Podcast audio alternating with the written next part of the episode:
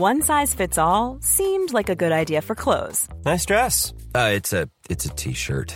Until you tried it on. Same goes for your healthcare.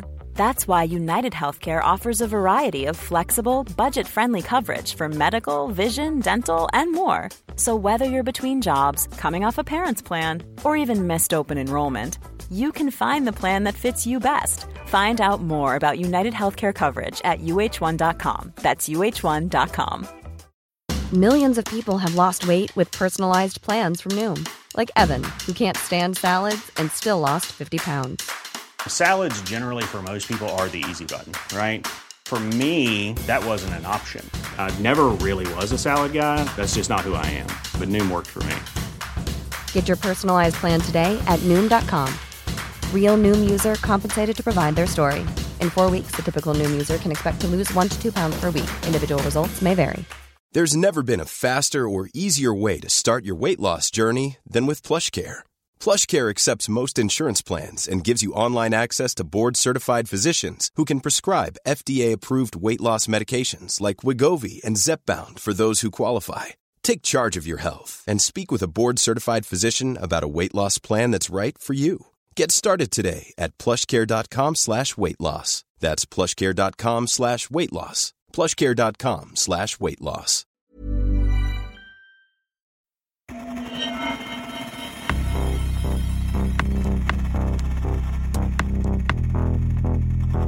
Expect more attacks on the government. They caused a lot of damage. In any computer crime, you want to look for the digital footprints. Dataintrång där interna handlingar läckte ut. Shadowy group behind the hacking attack on the Federal Reserve.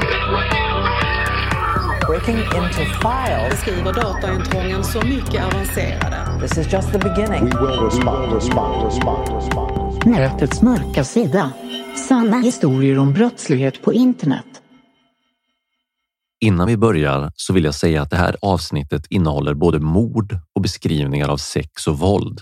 Så det här är ingenting för barn.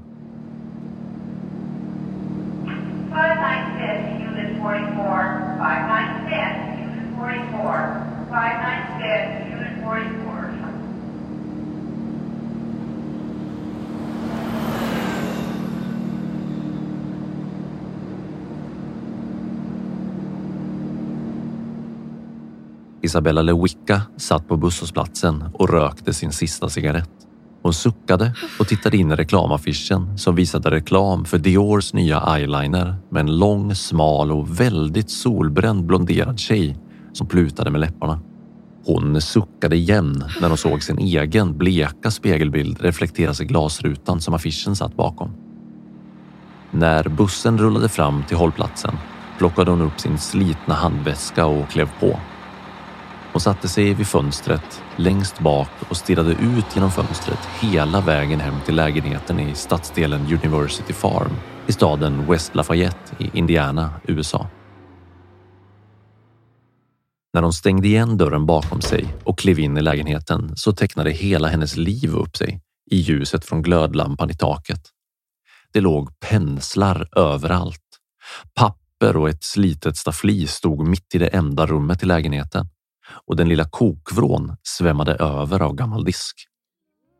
På ett litet brunt skrivbord i ena hörnet stod en laptop som hade musikspelaren Winamp igång och ur de gulblekta datorhögtalarna som stod bredvid datorn på skrivbordet strömmade No Doubts hitlåt Don't Speak på låg volym med Gwen Stefanis gråtfärdiga röst som sjöng om svår kärlek. Isabellas dator var nämligen ganska ny och hade således en CD-ROM-läsare inbyggd från vilken hon hade rippat No Doubts nya skiva och sen lagt in som en playlist i Winamp. Det var rätt high-tech egentligen om vi betänker att det här var 1999.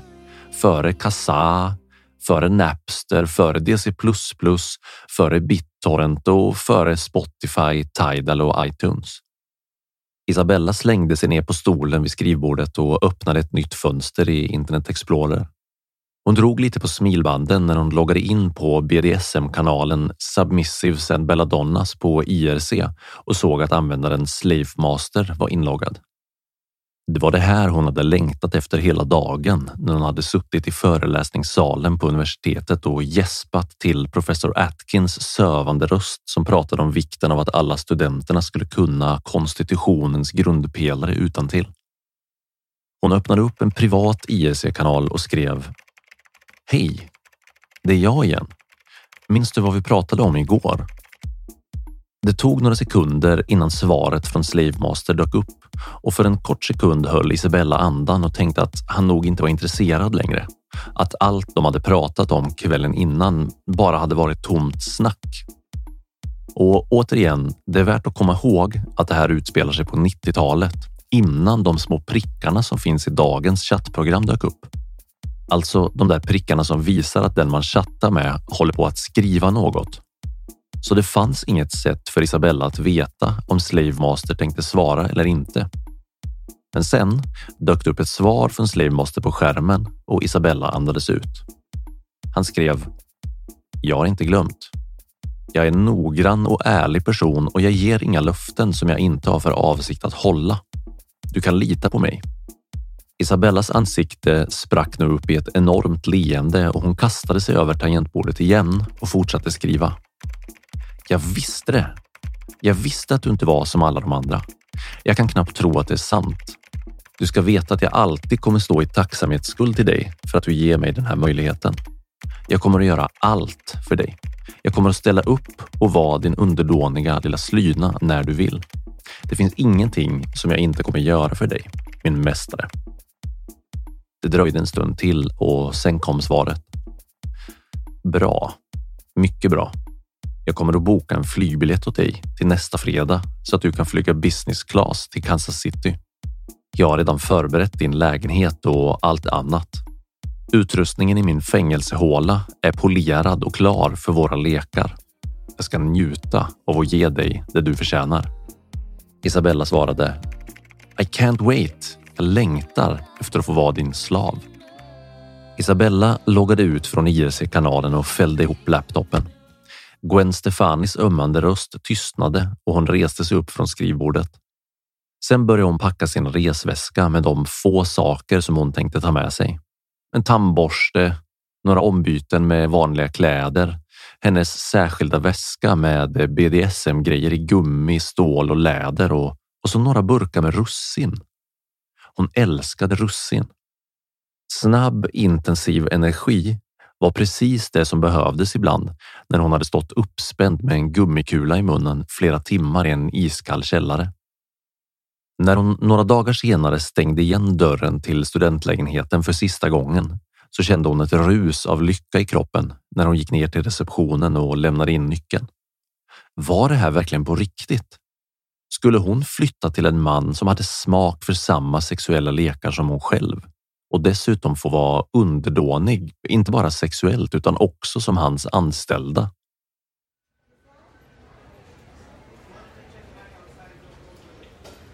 Innan hon klev på flygplanet som skulle ta henne till Kansas City så gick hon till en telefonkiosk på flygplatsen och ringde till sin mamma. Med överlycklig spänd förväntan i rösten berättade hon att hon skulle få flytta till sin nya stora kärlek, gifta sig med honom och jobba som anställd i hans företag. Hennes mamma hade så många frågor, men det fanns inte tid att besvara allt, för planet skulle lyfta om bara en halvtimme. Så det blev ett kort samtal när Isabella, som satt inklämd i bakre delen av flygplanet efter take-off, reste sig för att gå på toaletten så insåg hon att det fanns en sak som hon hade glömt. Kontraktet! Hon hade ju glömt att skriva på kontraktet. Efter toalettbesöket öppnade hon luckan och plockade ut sin kabinväska och rotade fram en rejäl pappersbunt och satte sig igen. Hon fällde upp matbrickan framför sig och la ut kontraktet där och sen plockade hon fram sin penna och signerade längst ner, längst bak på kontraktet som spände över 115 sidor och över 115 punkter. Var och en knuten till total kontroll över särskilda aspekter av hennes liv. Hon skrev helt enkelt över makten att bestämma över allt hon gjorde till sin nya mästare som hon inte ens hade träffat i verkligheten ännu. Sen packade hon ner kontraktet i kabinväskan igen och tittade ut genom fönstret. precis som hon hade gjort på bussen några dagar tidigare. Men den här gången lyste hela hennes ansikte som en sol av lyckoruset och spänningen över vad som var på gång att hända. Det var nu hennes liv skulle börja på riktigt.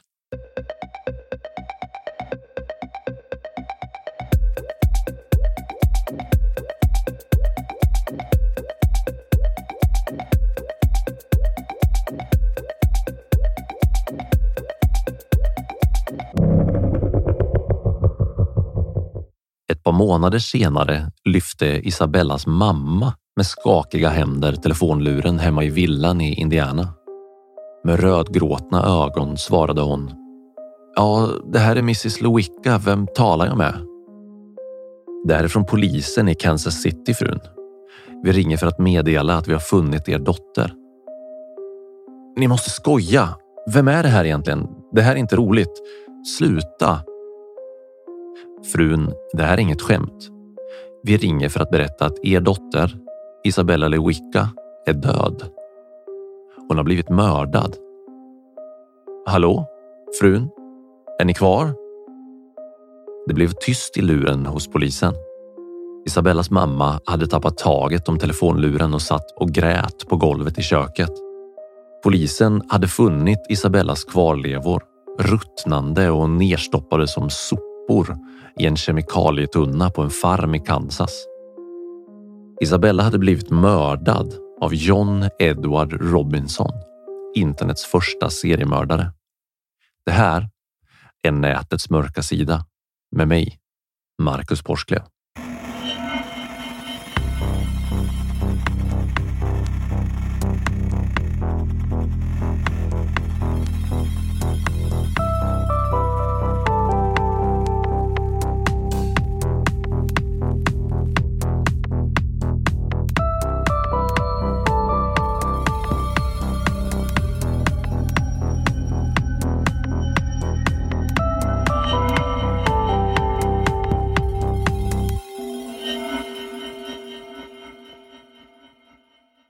Det är svårt att göra en podcast om internets första seriemördare utan att det blir lite cheesy, lite väl mycket drama liksom och inte så mycket om teknik och internetbrottslighet. Det är lätt att grotta ner sig i alla hemskheter i brotten och tappa fokus på tekniken och IT-sidan. Men det är väldigt många av er som lyssnar som har efterfrågat ett avsnitt om just John Edward Robinson ganska länge nu. Så jag måste erkänna att jag vill göra det här ändå, för er skull. Så med det sagt, var beredd på lite mer true crime spänning än vanligt i det här avsnittet. Vad då internets första seriemördare? Vad menas med det egentligen? John Edward Robinson, även känd som The Slave Master eller The Internet Slave Master, kallas ibland för internets första seriemördare eftersom han letade upp manipulerade och använde gammal hederlig social engineering egentligen för att komma åt sina offer online innan han träffade dem och mördade dem i verkligheten. Den här historien är egentligen sjukt omfattande och skulle kunna fylla en hel bok och det har den också gjort. Det finns flera bra böcker som handlar om John Edward Robinson och hans kriminella bana sträcker sig ända tillbaka till 60-talet. Men vi ska fokusera på morden och den digitala delen av hans seriemördarkarriär i det här avsnittet.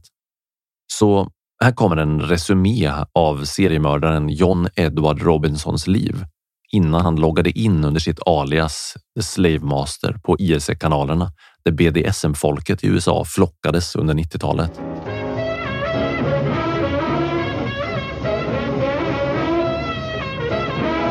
John Edward Robinson föddes 1943 Johns pappa var en alkis och hans eh, mamma var väldigt sträng och disciplinär.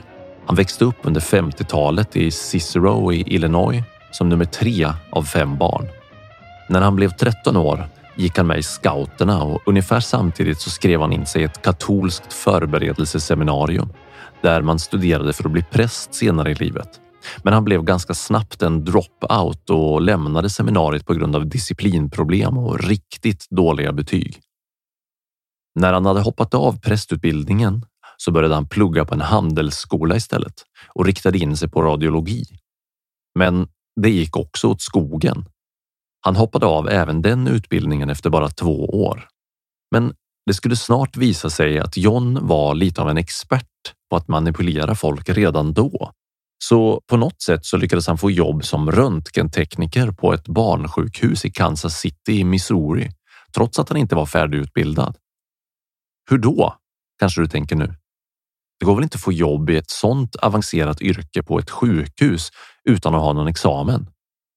Nej, naturligtvis inte, men genom att ljuga och manipulera och förfalska examensbevis och studieintyg så fick John jobbet utan att veta hur man egentligen gjorde. Han jobbade något år på det där barnsjukhuset, men eftersom han inte kunde ett dugg och knappt kunde starta röntgenutrustningen på sjukhuset utan att ha sönder den så fick han sparken 1966. Ungefär samtidigt som han började jobba på det där sjukhuset så träffade han sin blivande fru Nancy Jo Lynch och de gifte sig ganska snabbt. Deras första son föddes året innan han fick sparken från sjukhuset på grund av sin totala inkompetens. 1967 föddes deras första dotter och 1971 så fick de tvillingar. När John väl hade fått sparken från det där barnsjukhuset så växlade han upp sina scams och lyckades ljuga sig till ett nytt jobb som radiolog på en privat medical practice där han lyckades jobba kvar i nästan tre år. Under de där tre åren så gick han lös på allt och alla och manipulerade, ljög och utnyttjade folk till höger och vänster. Han hade sexuella affärer med flera i personalen och dessutom låg han också med mängder av patienter där. Men inte nog med det. Han stal 33 000 dollar från den här praktiken och när han till slut avslöjades med fingrarna i syltburken så dömdes han till villkorligt i tre år. Men det gick inte ens ett år innan han bröt mot den villkorliga domen genom att flytta till Chicago. Och väl där fortsatte han att konstant manipulera, utnyttja och ha sex med människor omkring honom medan hans fru tog hand om deras fyra barn. Han körde sitt eget race i flera årtionden och på något märkligt vis så lyckades han nästan alltid komma undan rättvisan. Oftast med att bara bre på med ännu fler lögner och genom att manipulera folk ännu mer. Men det var inte alltid som folk lät sig duperas av Johns lögner.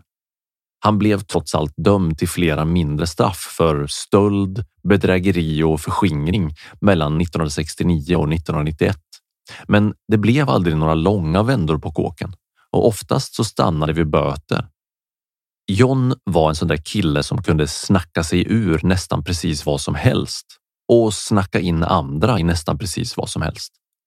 Han snackade sig till jobb inom flera olika välgörenhetsorganisationer och hade framträdande roller inom företag och organisationer genom åren. Han var till och med lärare på söndagsskolan. Men alla jobb och alla uppdrag slutade på samma sätt. Förr eller senare så kom någon på honom med att antingen sno pengar ur kassan, ligga med någons fru eller någons sekreterare eller att helt enkelt bara luras och ljuga och stjäla. En gång när han arbetade för en organisation för människor med funktionsvariationer så snackade han sig ända in i styrelsen och lyckades få dem att tilldela honom en Man of the Year Award. Hur lyckas man med det? Jo, man gör som John gjorde. Man ljuger sig blå i ansiktet och förfalskar röster och rekommendationsbrev ända in i kaklet. Och givetvis så blev han upptäckt även den gången. Den lokala pressen skrev ett gäng artiklar om hur John hade bluffat till sig allt möjligt, men han fortsatte som vanligt. Och de enda som verkade ta skada av det här, det var hans familj. Så John spenderar de första 40 åren av sitt liv med att ljuga, bluffa, förfalska, stjäla och manipulera människor till att ha sex med honom. Han startade flera egna företag och sålde bland annat hydroponiska odlingssystem som aldrig levererades. Och ibland när varorna som folk hade beställt faktiskt kom fram så funkade ingenting. Och själv var John lite som en iller. All skit bara rann av honom. Han tog det till och med så långt att han lurade en av sina närmaste vänner och investerade 25 000 dollar med löften om att hans investering skulle växa snabbt och kunna hjälpa vännen att betala för sin döende frus sjukhusräkningar. Men John bara snodde pengarna helt enkelt. Men sen så hände det någonting. John började förändras. Han började mörda människor. 1984 så anställde John en ung tjej vid namn Paula Godfrey som säljare till två skalbolag som han hade startat för att kunna ordna med ännu fler fejkade intyg och meriter till sina ständigt pågående bluffar. Paula hann bara arbeta för John i några dagar innan hon kontaktade sin familj och sa att John skulle skicka iväg henne till andra sidan USA för att hon skulle kunna gå en vidareutbildning inom försäljning. Men hon kom aldrig tillbaka. Paula Godfreys släktingar blev väldigt oroliga efter att Paula aldrig hörde av sig igen. Så de fyllde i en missing persons report och polisen inledde en förundersökning om hennes försvinnande. Då dök det plötsligt upp ett brev från Paula där det stod att hon hade det bra, att hon inte ville ha någon kontakt alls med sin familj. Och eftersom polisen inte kunde hitta några spår som antydde att något olagligt hade hänt så lades förundersökningen ner direkt. Paula Godfrey var spårlöst försvunnen.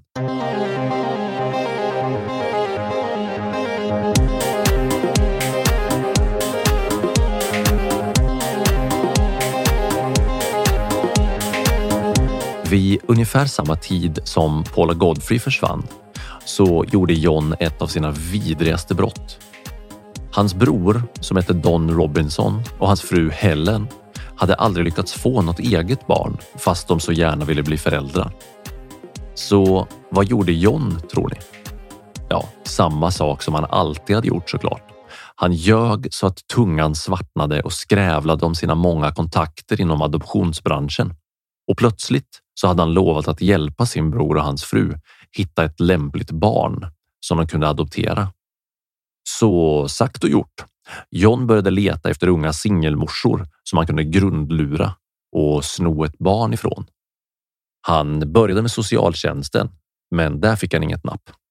Så då knallade han helt enkelt ner till ett women's shelter för misshandlade kvinnor och hittade en 19-årig tjej som hette Lisa Stasi som bara några månader tidigare hade fött sin första lilla dotter Tiffany.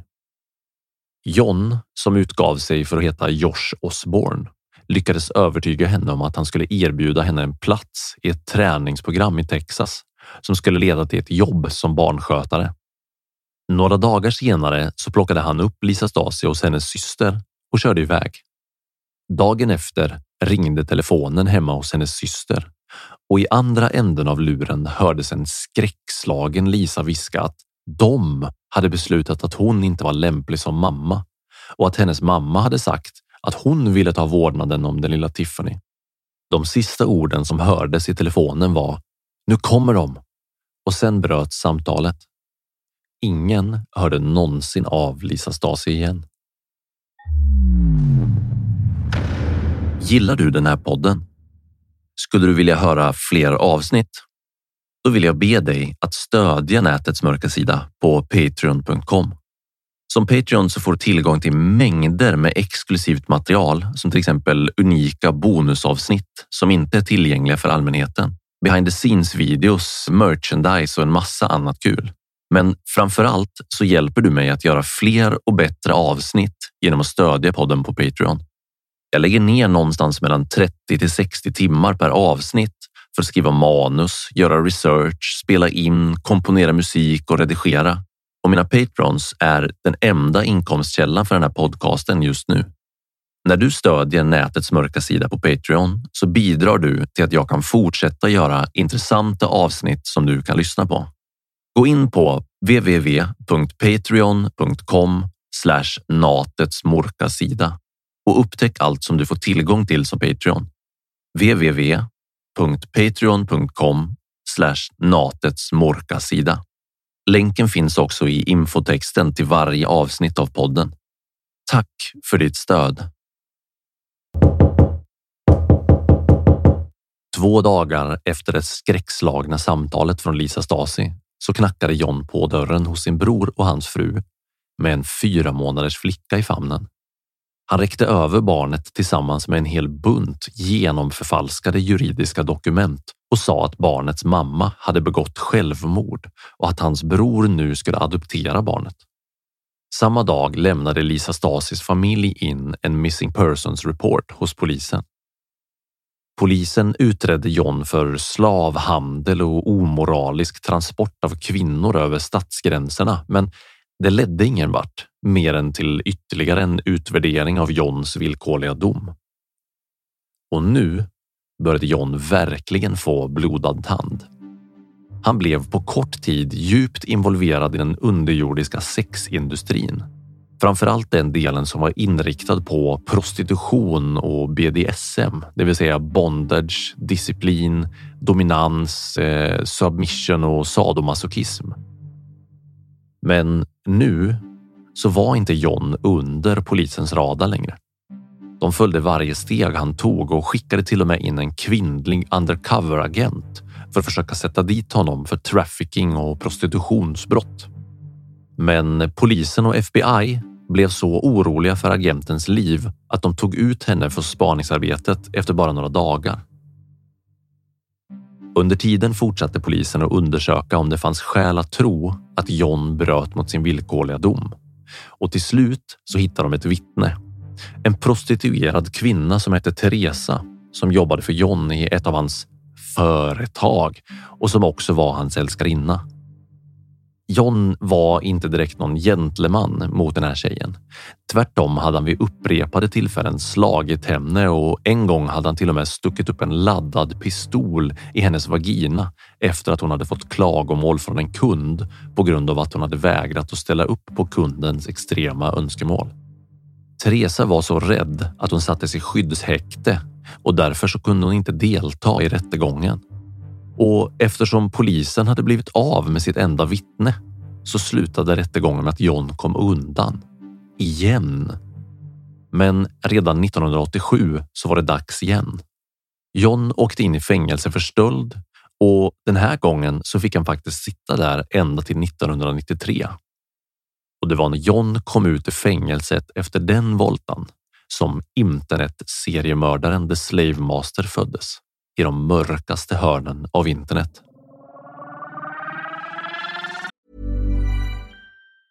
When you're ready to pop the question, the last thing you want to do is second guess the ring. At BlueNile.com you can design a one-of-a-kind ring with the ease and convenience of shopping online. Choose your diamond and setting. When you find the one, you'll get it delivered right to your door. Go to Bluenile.com and use promo code LISTEN to get $50 off your purchase of $500 or more. That's code LISTEN at Bluenile.com for $50 off your purchase. Bluenile.com code LISTEN. Even when we're on a budget, we still deserve nice things. Quince is a place to scoop up stunning high end goods for 50 to 80% less than similar brands. They have buttery soft cashmere sweaters starting at $50, luxurious Italian leather bags, and so much more. Plus, Quince only works with factories that use safe, ethical, and responsible manufacturing. Get the high-end goods you'll love without the high price tag with Quince. Go to quince.com/style for free shipping and 365-day returns.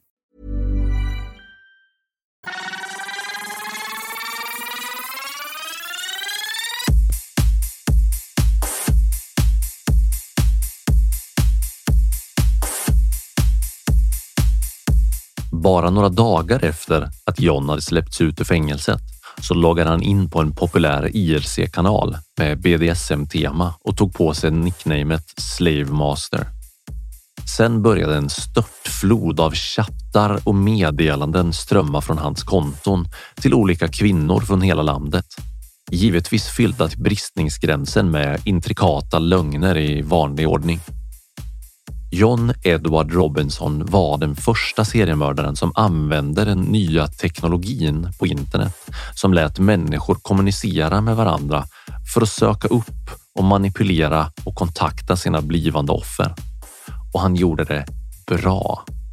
Han hade ju trots allt spenderat i princip hela sitt liv med att öva på social engineering. Han var en mästermanipulatör, minst sagt, och det var många kvinnor som fastnade på hans krok. Internet öppnade upp en helt ny värld för John som hals över huvud dök rakt ner i chattar, kontaktsidor och allt annat som internet kunde erbjuda för den här tiden. Och medan John knöt sina blivande offer närmare och närmare med hjälp av internet så försörjde hans fru, deras familj och deras fyra barn genom att jobba som manager i trailerparken som familjen hade blivit tvungna att flytta till efter att de hade förlorat sin villa ute i suburbia någonstans.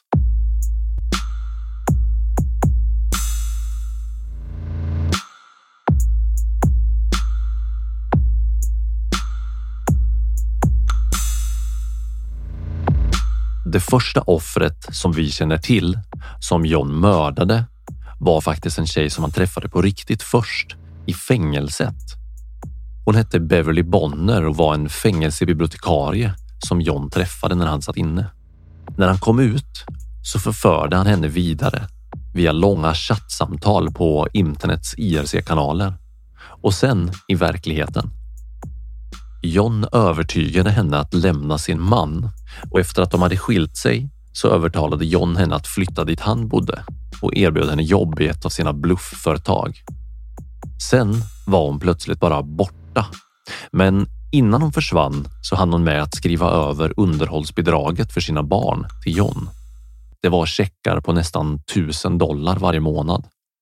John passade på att fortsätta hämta ut pengarna från hennes underhållscheckar och när Beverlys exman hörde av sig till honom så sa han helt enkelt att hon hade tröttnat på honom och flyttat till Australien. Sen var det Sheila Faiths tur. John kontaktade henne på en social nätverkssida 1994 och pratade länge och väl om hur han skulle kunna hjälpa Sheila och hennes dotter Debbie som satt i rullstol genom sitt stora kontaktnät och sina utvecklade företag. Hux flux så hade John lovat henne både jobb och sjukhusvård för Debbie om de bara kunde tänka sig att flytta till Kansas City. Och sen hade han ihjäl dem båda två. Men precis som han hade gjort med Beverly Bonner så fortsatte han att casha in Fates pensionscheckar som om ingenting hade hänt. Helt otroligt. Jag undrar i mitt stilla sinne hur John kunde lyckas med allt det här utan att någon polismyndighet någonstans snappade upp alltihop. Men nej, det skulle dröja länge än innan John skulle komma och bli upptäckt.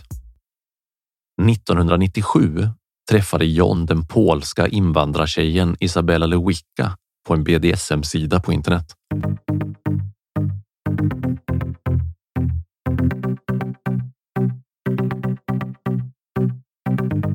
Ja, det är samma Isabella som du hörde historien om i introt till det här avsnittet. De hade väldigt mycket kontakt och utvecklade en kärleksrelation via internet. Och till slut lyckades John övertyga Isabella om att hon skulle flytta till Kansas City och bli hans BDSM-sexslav. Dessutom utarbetade han ett långtgående kontrakt som hon skrev under och som gav honom total kontroll över precis varenda liten detalj av hennes liv, inklusive hennes bankkonton. Kontraktet skulle gälla i mer än hundra år och gav honom kontroll över alla hennes livsbesparingar.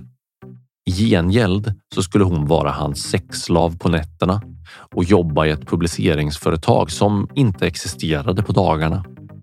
Det gick så långt att John och Isabella Lewicka gick in och beställde giftermålspapper. Men sen gick det som det gick. Igen. Han dödade henne helt enkelt. Vid det här laget så började Johns pappa bli gammal och behövde hjälp i hemmet. Så vad gjorde John? Givetvis letade han upp en sköterska åt honom på internet.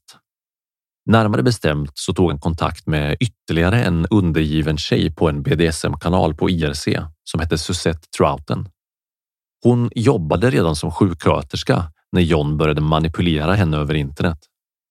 Till slut så lyckades han övertala henne att flytta till Kansas City och jobba som sköterska åt hans far.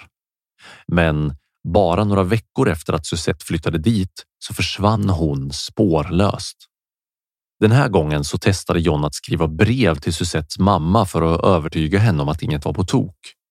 Men det märkliga var bara att breven som hade Suzette som avsändare var skrivna på skrivmaskin, vilket Suzette aldrig använde.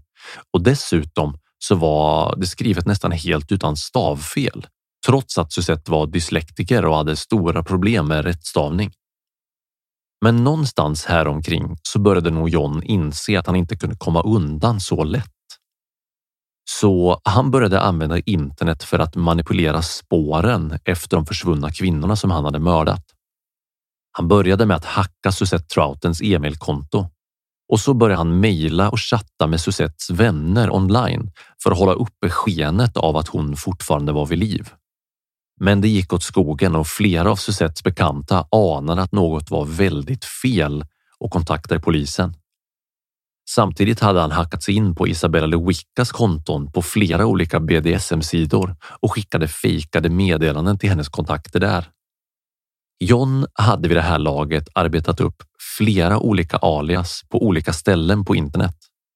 I BDSM-sammanhang så kallar han sig för The Slave Master eller bara kort och gott Slave Master. När han chattade med Suzette Trouten och Isabella Lewicka så utgav han sig för att heta J.R. Turner och det fanns flera andra namn som han använde simultant med allt det här. Så både Suzette Troutens vänner och polisen börjar nu undersöka Johns förehavanden närmare. Men det hindrade inte honom från att inleda ytterligare ett onlineförhållande med en kvinna som hette Vicky Neufeld som nyligen hade fått sparken från sitt jobb som psykiatriker. Vicky hade mycket väl kunnat bli ytterligare ett av Johns mordoffer. Men vid det här laget så hade polisen börjat övervaka John dygnet runt. John skickade över lite pengar till Vicky och de bestämde att de skulle mötas på ett motell i Overland Park och ha BDSM-sex. När Vicky kom dit och de började ha sex blev poliserna vittnen till hur Vicky blev tvingad till mycket mer brutalt sex än vad hon hade gått med på från början. Även om poliserna inte vid den tidpunkten förstod exakt hur illa Vicky hade blivit behandlad så räckte det ändå för att de skulle sätta upp en misstanke om sexual battery på listan över de brott som John nu var misstänkt för. Men de ville inte slå till ännu. De ville kunna sätta dit honom för mord.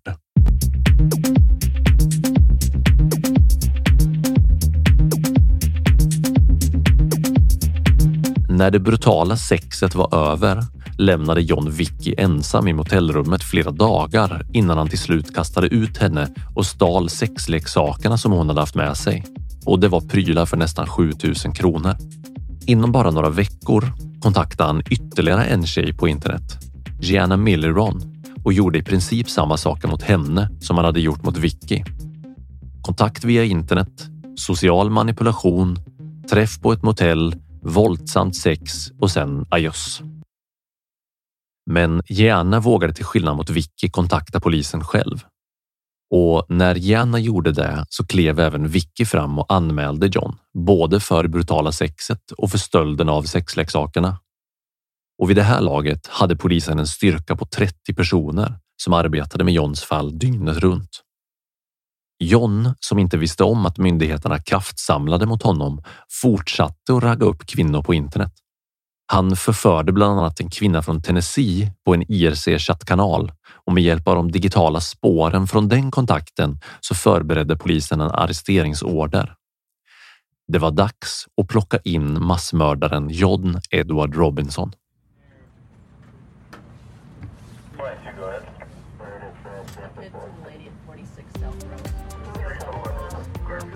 Tidigt på morgonen den 2 juni år 2000 så lystes plötsligt trailerparken där John bodde med sin familj upp av mängder med strålkastare från polisbilar. Med skrikande bromsar och skjutande sirener stannade bilarna till framför Johns trailer och ut hoppade beväpnade poliser som slog in dörren på några sekunder. De skrek åt Johns familj att lägga sig på golvet med händerna bakom huvudet och höll med bryska nypor undan de nyfikna grannarna som började titta ut ur sina egna trailers. När de hittade John inuti trailern så slängde de ner honom på golvet i bara kalsongerna och satte på honom ett par handklovar innan de reste honom upp och ledde ut honom till polisbilarna utanför. När polisen hade tömt trailern och sökt av området runt omkring hittade de fem tunnor som var avsedda för hantering av kemikalier. Inuti var och en av de tunnorna hittade de ruttnande kvarlevor efter Johns offer. Polisen hittade blod i lägenheten där Isabella Lewicka hade bott när hon hade varit Johns sexslav och det fullkomligt regnade in bevis mot honom från alla håll. De hittade de förfalskade juridiska dokumenten som John hade vaskat fram för att fejka adoptionen av Lisa Stasis dotter Tiffany. De hittade bevis på Johns datorer som länkade honom till Suzette Trouten och flera andra kvinnor som han hade manipulerat och lurat på pengar via internet. Han var fast. Efter ett helt liv av lögner, mord och falskhet så satt nu John Edward Robinson i rättvisans klor för morden på Trouten, Lewicka och Stasi. Och till slut erkände han ytterligare fem mord och då dömdes han till döden. Förutom morden så dömdes John även för en hel lång rad med stölder, bedrägerier och förskingringar. John sitter fortfarande och väntar på att bli avrättad på Death Row i Eldorado Correctional Facility i Kansas. 2005 så tog äntligen hans fru ut skilsmässa. Ja, hur otroligt det än kan verka så skilde hon sig inte förrän flera år efter att han dömdes till döden för sina brott. Men även om John erkände ytterligare fem mord så avslöjade han aldrig var kropparna efter de andra offren fanns. Catherine Clampett till exempel, som var ytterligare en tjej som John hade lurat att överge sin familj för att flytta till Kansas City, återfanns aldrig, liksom Lisa Stasi och Paula Godfrey. När polisen raidade Johns familjs farm så hittade de ytterligare två kemikalietunnor som visade sig innehålla kvarlevorna efter Lewicka och Trouten. Och när polisen genomsökte en lagerlokal som John hade hyrt i Missouri så hittar de kvarlevorna efter ytterligare tre kvinnor. Beverly Bonner, Sheila Faith och hennes dotter. 2006 hittade polisen ytterligare en kemikalietunna som innehöll en kvinnokropp som var så förruttnad att den inte gick att identifiera. Men rättsmedicinalteknikerna misstänker att den mördade kvinnan hade legat i tunnan i över 20 år. Alla Johns offer hade blivit mördade med hårda slag i bakhuvudet och det saknas fortfarande minst tre kvinnor med koppling till Johns interneteskapader som ingen vet vart de befinner sig.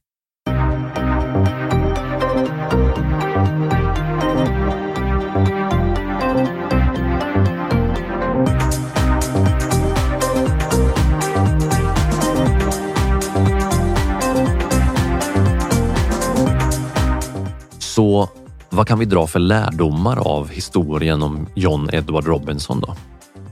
Ja, en grej är ju att folk kan få för sig att göra precis vad som helst, oavsett om det är på internet eller i verkligheten. Och det gjorde ju den här massmördaren John Edward Robinson. Men en kanske ännu viktigare tanke att ta med sig är att alltid tänka ett extra steg när man kommunicerar med okända människor på internet. Vad finns det för tanke bakom kontakten? Vad vill personen som du chattar med få ut av er kontakt? Jag kan inte låta bli att fundera över hur den här historien hade utvecklat sig om inte internet fanns. Tänk om John aldrig hade fått chansen att förleda de här kvinnorna, alla de här människorna, genom att chatta med dem över internet. Vad hade hänt då? Om man inte hade fått den här enorma plattformen för att ringa in sina mordoffer som internet erbjöd? Ja, förmodligen så hade han gjort samma sak ändå, men away from keyboard istället. De allra flesta människor som chattar med okända på internet är helt vanliga, vänliga människor. Och ja, det gäller även om du ger ut på IRC och chattar om sex i något undanskymt BDSM-rum. Men det finns också människor som John Edward Robinson som inte vill alla väl. Frågan är kanske hur du ska kunna skilja dem psykopaterna, galningarna och mördarna från de vänliga, vanliga människorna. Hur ska du kunna identifiera vem av dem som har onda avsikter, som likt John har spenderat hela sitt liv med att förfina sina lögner och sina manipulationer?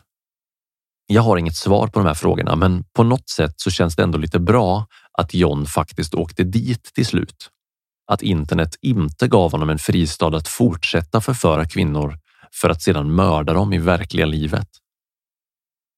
Du har lyssnat på Nätets mörka sida med mig, Marcus Porsklev.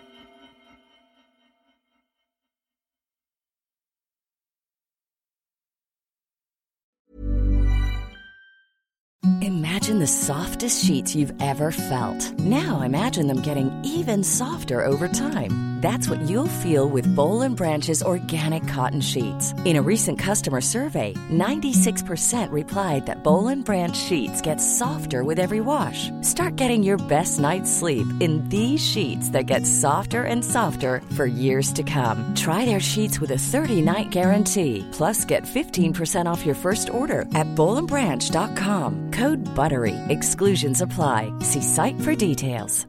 Hey, it's Paige DeSorbo from Giggly Squad. High quality fashion without the price tag. Say hello to Quince. I'm snagging high-end essentials like cozy cashmere sweaters, sleek leather jackets, fine jewelry, and so much more. With Quince being 50 to 80% less than similar brands. And they partner with factories that prioritize safe, ethical, and responsible manufacturing. I love that. Luxury quality within reach. Go to quince.com slash style to get free shipping and 365 day returns on your next order. Quince.com slash style. Planning for your next trip? Elevate your travel style with Quince. Quince has all the jet setting essentials you'll want for your next getaway, like European linen, premium luggage options, buttery soft Italian leather bags, and so much more. And is all priced at 50 to 80% less than similar brands. Plus, Quince only works with factories that use safe and ethical manufacturing practices. Pack your bags with high-quality essentials you'll be wearing for vacations to come with Quince. Go to quince.com/pack for free shipping and 365-day returns.